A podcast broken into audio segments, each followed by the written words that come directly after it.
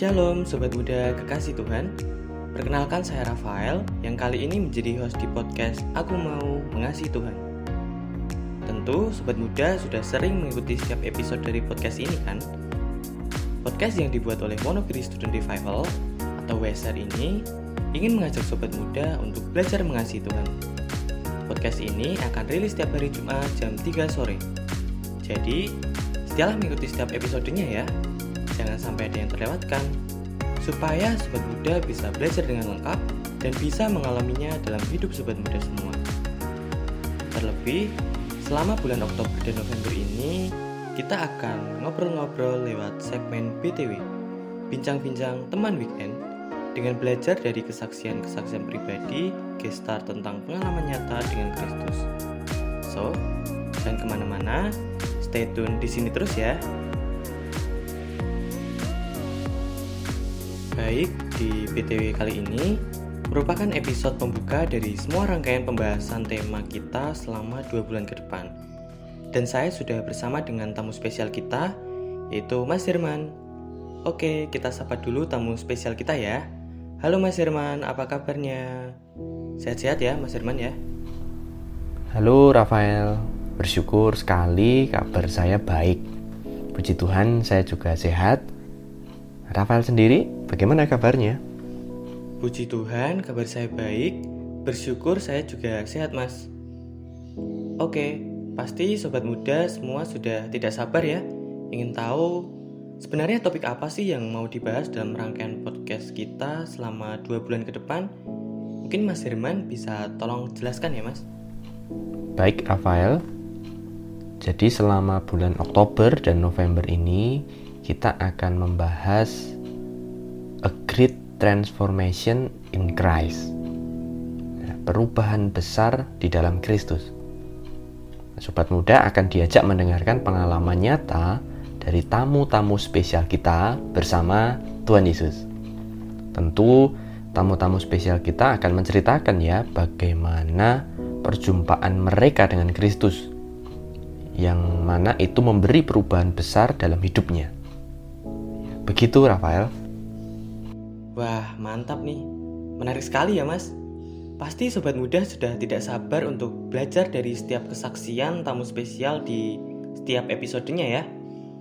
Untuk mengetahui topik-topik kesaksian dan siapa saja tamu spesial kita ke depan, sobat muda bisa kepoin melalui akun IG kita di Edway Student Revival. Oh iya, ngomongin soal kesaksian pribadi, saya mau tanya dulu nih mas, kalau kesaksian pribadi Mas Herman sendiri terkait pengalaman perjumpaan pribadi dengan Kristus seperti apa ya mas? Bolehkah juga dibagikan kepada kita semua? Siap, tentu saja dengan senang hati saya akan membagikan kepada Rafael dan sobat muda semua. Saya akan mulai membagikan cerita hidup saya ini sebelum saya menerima Kristus ya. Jadi sejak saya kecil, saya sudah beragama Kristen. Saya sudah dibaptis waktu masih bayi. Waktu kecil, saya cenderung tidak memiliki prestasi khusus yang menonjol. Misal secara akademis ya biasa-biasa saja. Olahraga juga tidak terampil. Musik juga tidak bisa. Kesenian-kesenian tertentu juga tidak ada yang saya kuasai. Akhirnya, saya mencoba untuk tampil menonjol dalam hal rohani. Saya rajin sekolah minggu, saya rajin membaca Alkitab setiap hari. Contohnya seperti itu. Menginjak masa remaja, saya bahkan juga aktif di persekutuan gereja. Namun, hal-hal itu tadi saya lakukan bukan karena pengenalan saya akan Tuhan, bukan pula karena saya rindu mencari Tuhan, melainkan karena saya merasa tidak punya prestasi yang menonjol dan akhirnya memakai hal-hal rohani tadi sebagai alat untuk saya mendapatkan pengakuan, penghargaan dari orang lain. Dan bahkan walaupun saya aktif dalam berbagai kegiatan rohani tadi, saya masih memiliki ketakutan yang amat besar, yaitu ketakutan terhadap kematian. Saya takut karena saya tidak memiliki kepastian jikalau meninggal nantinya akan masuk surga atau neraka. Jadi, saya tidak memiliki kepastian keselamatan. Hati saya sangat gelisah saat mendengar kabar tentang orang meninggal. Jadi, bisa saya simpulkan, walaupun agama saya sudah Kristen, sudah dibaptis sejak bayi, bahkan aktif dalam berbagai kegiatan rohani, tapi saya belum menjadi orang percaya. Saya bukanlah anak Allah. Ternyata beragama Kristen sudah dibaptis sejak bayi, bahkan aktif dalam kegiatan rohani itu belum menjamin menjadi orang percaya yang memiliki kepastian keselamatan ya mas. Lalu bagaimana seseorang ini bisa memiliki kepastian keselamatan mas? Bagaimana pula kelanjutan cerita dari Mas Irman ini? Baik, Rafael. Untuk menjawab pertanyaan tentang bagaimana seseorang bisa memiliki kepastian keselamatan, saya akan melanjutkan kesaksian pribadi saya tadi ya. Akhirnya, ketika SMA, ada seorang kakak yang membagikan kepada saya sebuah ilustrasi yang menceritakan bahwa tidak ada seorang pun yang dapat diselamatkan dari dosa dan maut kalau dia tidak mengambil keputusan untuk bertobat dan menerima Tuhan Yesus sebagai Tuhan dan Juru Selamat. Saya masih ingat beberapa ayat yang dibagikan oleh kakak ini, di antaranya dari Yohanes 5 ayat 24. Bunyinya begini, Aku berkata kepadamu, sesungguhnya barang siapa mendengar perkataanku dan percaya kepada dia yang mengutus aku, ia mempunyai hidup yang kekal dan tidak turut dihukum, sebab ia sudah pindah dari dalam maut ke dalam hidup. Kemudian ada ayat yang lain dari Yohanes 1 ayat 12. Tetapi semua orang yang menerimanya diberinya kuasa supaya menjadi anak-anak Allah, yaitu mereka yang percaya dalam namanya. Nah, bagian firman Tuhan ini tadi menggetarkan hati saya. Firman Tuhan itu menjadi jaminan pasti. Siapa yang mendengar perkataan Kristus dan percaya, ya, atau disebut juga menerimanya, menerima Kristus, maka orang ini akan memiliki hidup yang kekal. Tidak dihukum karena apa? Karena sudah pindah, dipindahkan oleh Tuhan Yesus dari dalam maut ke dalam hidup.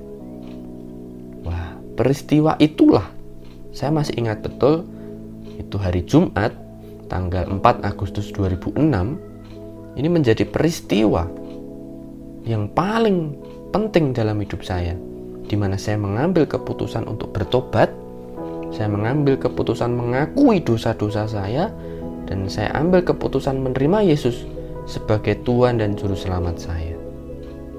Nah, pada peristiwa inilah saya memiliki keyakinan akan keselamatan. Sebelumnya tidak pernah punya keyakinan. Dan keyakinan ini bukan berdasarkan perasaan saya, tetapi berdasarkan keyakinan atas kebenaran firman Tuhan itu sendiri. Pada peristiwa itulah Tuhan Yesus menjumpai saya secara pribadi dan sejak saat itulah saya menjadi anak Allah. Wah, menarik sekali ya. Ternyata bagaimana Kristus menjumpai Mas Firman secara pribadi pada peristiwa tadi. Lalu, apa perubahan yang terjadi dalam hidup Mas Firman setelah peristiwa itu, Mas? Nah, di sinilah perubahan besar dimulai, Rafael. Perubahan yang paling nyata tentu saja tentang keyakinan saya yang berubah. Ya, sejak saat itu tadi, saya memiliki keyakinan yang kokoh bahwa saya mendapatkan keselamatan setelah saya menerima Kristus sebagai Tuhan dan Juru Selamat, saya beriman bahwa Tuhan memberi hidup kekal, lalu saya tidak lagi dihukum ke dalam maut nantinya, dan dem dengan demikian saya tidak lagi takut menghadapi kematian. Lalu perubahan signifikan lainnya, sebelum menerima Kristus kan saya aktif ya di berbagai kegiatan rohani, e, untuk mendapatkan pengakuan dari orang Sejak saat itu, orientasi ini berangsur-angsur Tuhan ubahkan. Mulai Tuhan munculkan rasa belas kasihan yang besar di dalam diri saya ini terhadap orang lain. Saya membayangkan apakah orang-orang di sekitar saya itu sudah memiliki keyakinan keselamatan kekal? Atau jangan-jangan mereka juga seperti saya yang sebelumnya tadi, yang sama sekali masih ragu tentang nasib kekal nanti. Belas kasihan dari Tuhan ini terus-terus menerus dia tambahkan.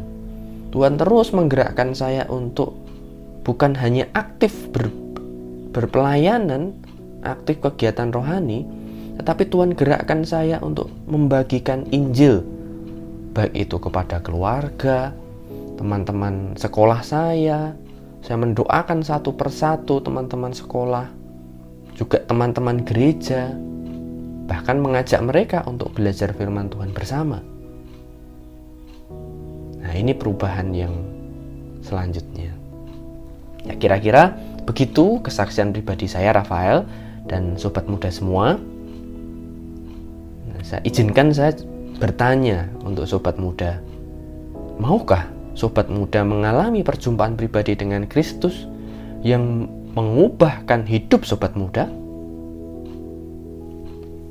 Jikalau sobat muda mau mengalaminya, saya mengajak sobat muda untuk datang kepada Tuhan Yesus, mengakui bahwa sobat muda adalah seorang yang berdosa. Akui bahwa Kristus sudah mati, sudah bangkit, untuk sobat muda semua. Maka undanglah Tuhan Yesus itu masuk ke dalam hati sebagai Tuhan dan Juru Selamat sobat muda semua. Berdoalah demikian, datanglah kepada Kristus. Tuhan memberkati. Terima kasih banyak Mas Herman untuk kesaksian pribadi perjumpaan dengan Kristus yang mengubahkan kehidupan Mas Herman ini. Kiranya sobat muda semua pun juga punya pengalaman perjumpaan Kristus yang serupa.